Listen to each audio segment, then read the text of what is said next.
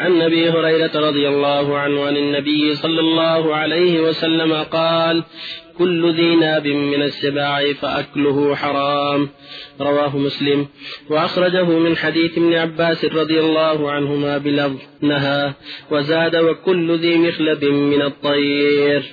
وعن جابر رضي الله عنه قال نهى رسول الله صلى الله عليه وسلم يوم خيبر عن لحوم الحمر الأهلية وأذن في لحوم الخيل. متفق عليه.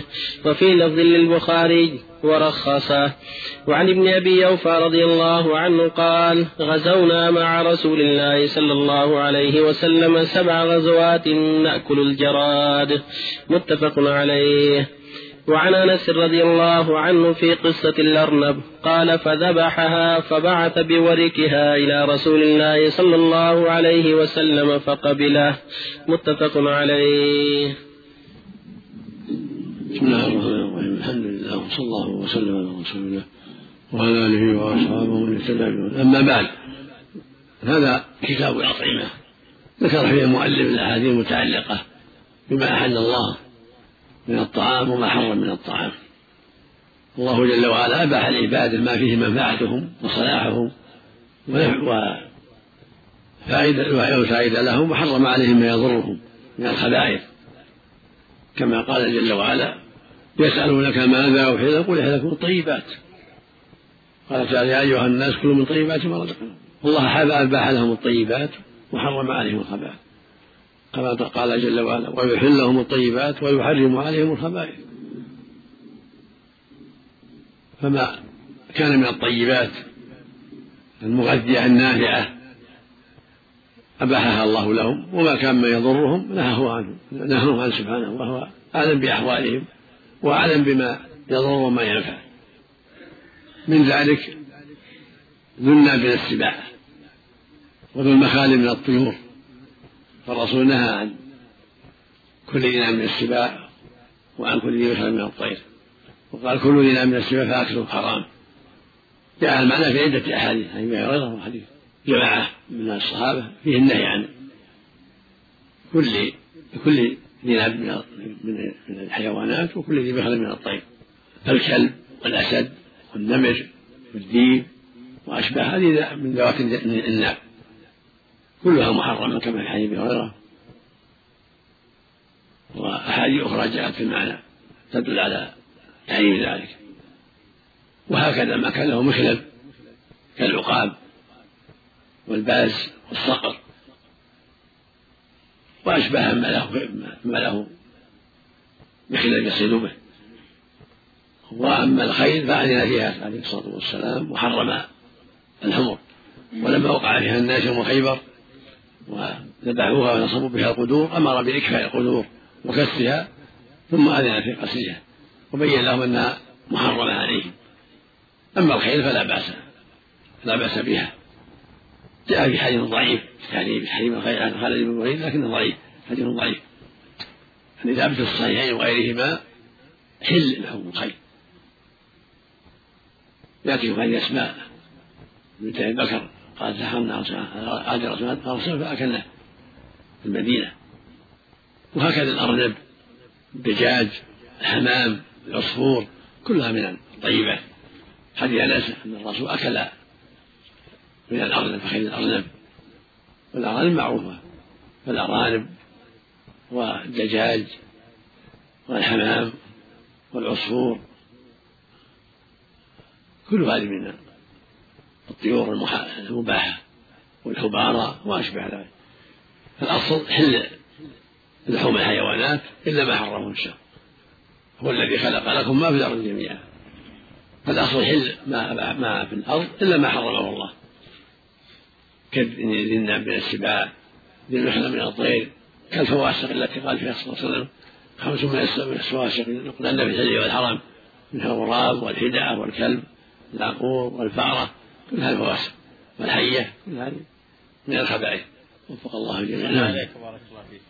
محرم من السباع. لابد فيه من اجتماع وصفين أحسن الله اذا كان يكون ذنوب ويكون يعتدي على الناس نسال الله لا دون من السباع ما كان ما لم يستأنس بنابه. إيه نعم. ولو لم يعتدي. الأسد والنمر والكلب وأشباهه ولو لم يعتدي. معنى سبع لا يعتدي. والله يمكن الحمر الوحشية هذه هي المعروفة الآن عندنا مخططة بالسيوف هذه معروفة في الحيوانات ما هي معروفة في حدائق الحيوان جائزة هذه نعم. أحسن الله عليك هناك؟ لا بري بري نعم. وهو من الطيبات. الله قال غزلنا مع رسول سبع غزوات نأكل الجراد نعم.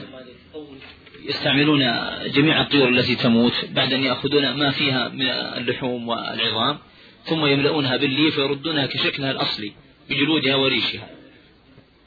فهذا الحكم أفتى فيها يعلقونها سم؟ يعلقونها في بيوتهم. ي- ي- نعم ينفخونها كما هي لكن يستفيدون من لحومها للقطط وغيرها.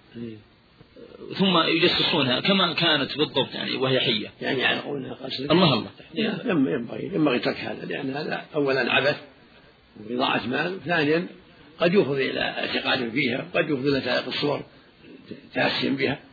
فينبغي ترك ذلك. عندهم فتوى من أحد أهل العلم وقالوا أعطنا دليل حتى نصدق. ينبغي ينبغي ترك ذلك. التحنيط فيه فيه مفاسد. اولا إضاعة مال وثانيا وسيله إلى الاعتقاد فيها وأن أن لها نفع وضر.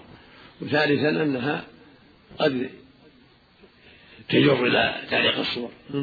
أحسن الله إليكم شيخ. على سؤال يقول السائل. الطيور أمر الشارع بقتلها. وهناك نهى أشياء نهى عن قتلها. هل يستفاد من ذلك حرمة أكلها صلى الله عليه وسلم؟ لا يعني قتل دل على حرمتها نعم. صلى الله عليه الله عليه أحسن الله إليكم شيخ. هذا السؤال يسأل فيه السائل عن الدعاء بين السجدتين. لو تركه المصلي عامدا نعم. الدعاء بين السجدتين. لو تركه المصلي عامدا فما حكم صلاته؟ الصواب أنها تبطل لأنه واجب. الرسول أمر به. وصلوا كما رأيتم يصلي. فإذا قال رب اغفر لي بين السجدتين عامدا ويعلم الحكم وهو بجاهل تبطل صلاته. أما إذا كان جاهل أو ناسي معلش لكن لكن إذا كان الإمام منفرد ناسي يسير للسهو جزاكم الله اذا خير تبع الإمام معلش جزاكم الله خير يقول هذا سؤال آخر. يقول ما هي كيفية قطع قطع المصلي صلاته إذا أقيمت الصلاة؟ يقطعها يصلي. بالنية يقطعها بالنية ويكفي بدون تسليم. السلام وعن ابن عباس رضي الله عنهما قال نهى رسول الله صلى الله عليه وسلم عن قتل أربع من الدواب. النملة والنحلة والهدهد والص- والصرد. رواه أحمد وأبو داود وصححه ابن حبان. وعن ابن أبي عمار قال قلت لجابر رضي الله عنه الضبع صيد هي. قال نعم. قلت قاله رسول الله صلى الله عليه وسلم. قال نعم. رواه أحمد والأربعة وصححه البخاري وابن حبان. وعن ابن عمر رضي الله عنهما أنه سئ- سئل عن القنفذ فقال قل لا أجد فيما أوحي إلي محرما. الآية. فقال شيخ عنده سمعت أبا هريرة رضي الله عنه يقول ذكر عند النبي صلى الله عليه وسلم فقال إنها خبيثة من الخبائث. فقال ابن عمر رضي الله عنهما إن كان رسول الله صلى الله عليه وسلم قال هذا فهو كما قال. أخرجه أحمد وأبو داود وإسناده ضعيف. وعن ابن عمر رضي الله عنهما قال نهى رسول الله صلى الله عليه وسلم عن الجلالة وألبانها. أخرجه الأربعة إلا النسائي وحسنه الترمذي. صلى الله وسلم على رسول الله وعلى آله وأصحابه من اهتدى بهداه. أما بعد هذه الأحاديث تتعلق بالأطعمة وما يباح منها وما يحرم.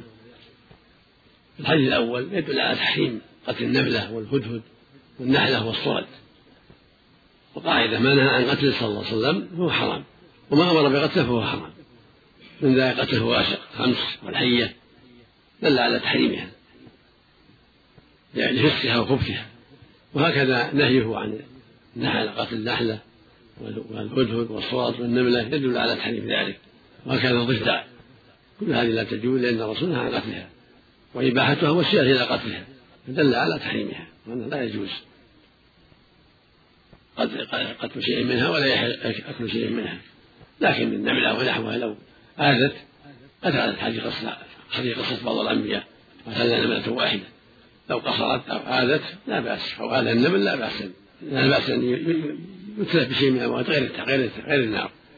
إذا آذى. أما إذا ما آذى فلا فلا يتعرض له لأدلة أخرى تدل على أن ما كان من أذى يقتل. دفعا لشر كذا حديث عمار الضبع يدل على أن الضبع صيد.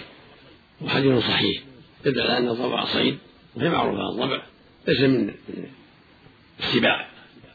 بل هي صيد وليس من السباع. وإن كانت قد تأكل الميتة قد تأكل الجيف قد تأكل الإنسان لكن هذا ما ما يوجب تحريمها. مثل ما أن الصيود المباحة قد تأكل ما حرم الله قد تأكل النجاسة قد لكن إذا ثبت ما يجب جعلها جلالة صارت جلالة من باب من باب تعاطيها الخبائث. كما نهى النبي عن الجلالة وهي تأكل الجلة تأكل النجاسة. يعني تحبس حتى تطهر. إذا كانت تأكل الجلالة دجاجة أو شاة أو بقرة أو غيره تحبس المدة المناسبة حتى تطهر. كان ابن عمر يحبس الدجاجة ثلاثة أيام ثم يذبحها. فالحاصل أن الجلالة لا تحرم بالجلة لكن ينهى عن أكل لحمها حتى تحبس المدة التي يغلب على الظن سلامة لحمها. طهرته تحبس الطعم الطيب تشرب الطيب سواء كان شاة أو بقرة أو ناقة أو دجاجة وهكذا الضبع إذا كان فيها كان حديثها ميتة يزعل ما فيها من آثار الميتة أو تحبس إذا أمكن حتى تطعم تطعم الشيء الطيب كالجلالة هذه الرابع كذلك القنفذ القنفذ هذا هو المعروف بالنيس صغيره يقال له قنفذ كبير يسمونه النيس صاحب الشوك. هذا أصله يأكل الطيبات. مباح مباح. نيس. أما القنفذ الصغير هذا يقال أنه يأكل الحيات ويأكل أشياء خبيثة. فإن ثبت أنه يأكل الحيات صار من الخبائث.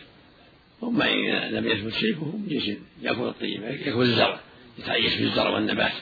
وهو من جنس الكبير النسل صاحب الشوك. يتغذى بالنبات الطيب. فالقنفذ الصغير هذا إن ثبت أنه يتغذى بالشيء من النجاسات يكون حكم حكم الجلالة. إن تيسر حبسه حتى يطعم الطيب وإلا حرم أكله لخبزه كالجلالة وفق الله جل وعلا.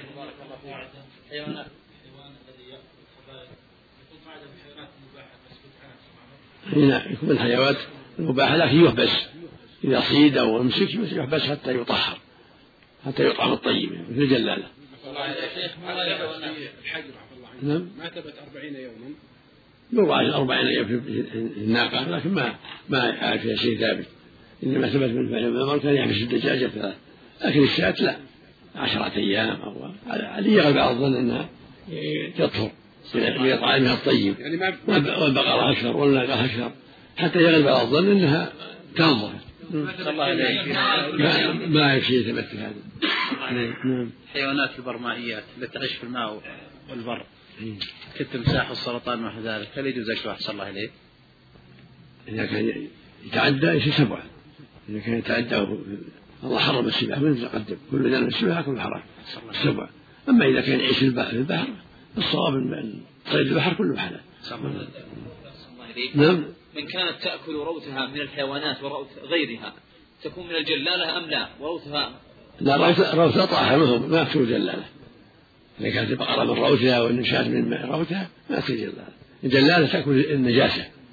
للجلالة جميع حيوانات البحر مطلقا. هذا يستثنى منها شيء؟ صلى الله عليه بعضها يستثني ما كان محرم في البر كالنام ولكن ما عليه. ظاهر ظاهر القرآن حين صيد البحر وطعامه متاع لكم ظاهره حل كذلك قال صلى الله عليه وسلم الطهر الماء وحين ميتته ظاهره العموم لكن إذا ترك الإنسان ما يشبه ما في البر من الحيوانات المحرمة كالكلب وأشباه من المحرمات كالذئب والشيء اللي يشبه ما في البر من المحرمات من الخنزير كل ما يشبه البر ما يشبه المحرمات في البر. إذا ترك هذا الاحتياط خروجا من الخلاف حسن.